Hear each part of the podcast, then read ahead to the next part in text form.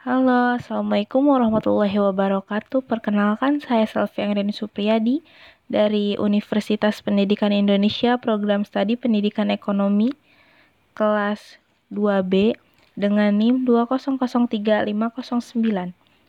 Di sini saya akan menjelaskan tentang manajemen produksi. Yang pertama ada pengertian dari manajemen produksi. Eh, berdasarkan pengertiannya, manajemen produksi adalah sebuah penataan dari proses pengubahan bahan mentah menjadi suatu produk atau jasa yang memiliki nilai jual. Lalu di sini ada pengertian manajemen produksi menurut para ahli. Yang pertama ada dari Sofyan Asauri.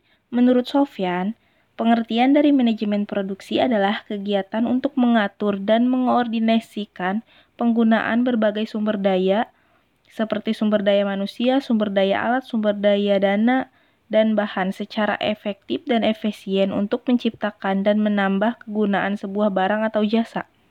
Setelah mengetahui pengertian manajemen produksi itu apa, ada juga Anda juga perlu tahu fungsi dari manajemen ini dalam menjalankan dan mengembangkan usaha bisnis.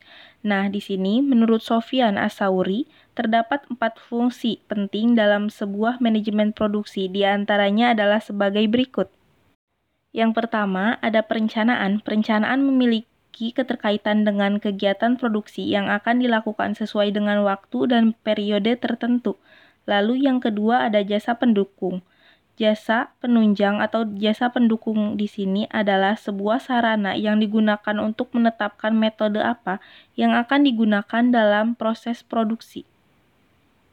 Lalu yang ketiga ada proses pengolahan.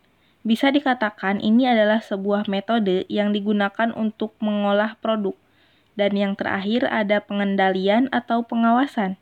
Ini adalah fungsi yang digunakan untuk menjamin proses kegiatan agar sesuai dengan rencana. Nah, saudara sekalian, di sini juga ada ruang lingkup dari manajemen produksi. Jika dilihat dari cara pengambilan kebijakan utama dan keputusan, ada tiga macam ruang lingkup dalam jenis manajemen ini.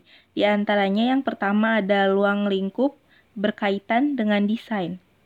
Yang kedua ada ruang lingkup berkaitan dengan transformasi dan yang terakhir ada ruang lingkup berkaitan dengan perbaikan. Nah, yang akan dibahas terakhir ini adalah aspek-aspek dari manajemen produksi. Agar bisa menghasilkan barang produksi sesuai dengan yang diinginkan, maka perlu adanya beberapa tahapan yang dilakukan. Aspek yang harus diperhatikan secara khusus di antaranya adalah sebagai berikut.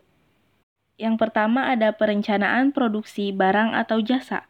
Perencanaan produksi memiliki tujuan untuk melancarkan proses produksi secara sistematis. Adapun dalam hal ini, ada beberapa keputusan yang harus diambil sebagai langkah awal di antaranya sebagai di antaranya seperti jenis barang, kualitas barang, bahan baku yang digunakan, dan kualitas barang serta pengendalian produksi itu sendiri. Lalu yang kedua ada pengendalian produksi barang atau jasa. Ini adalah tahapan kontrol produksi yang digunakan agar proses produksi sesuai dengan perencanaan.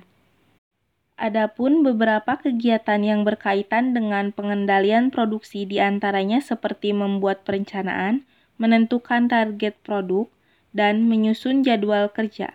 Tujuan dari pengendalian produksi adalah agar mencapai hasil yang lebih maksimal dengan biaya yang seoptimal mungkin. Lalu ada pengawasan produksi barang atau jasa.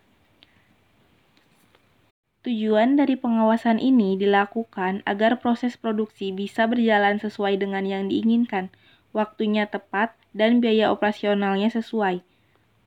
Nah, sekian yang bisa saya Nah, sekian yang dapat saya sampaikan. Semoga bermanfaat. Kurang lebihnya saya mohon maaf. Wassalamualaikum warahmatullahi wabarakatuh.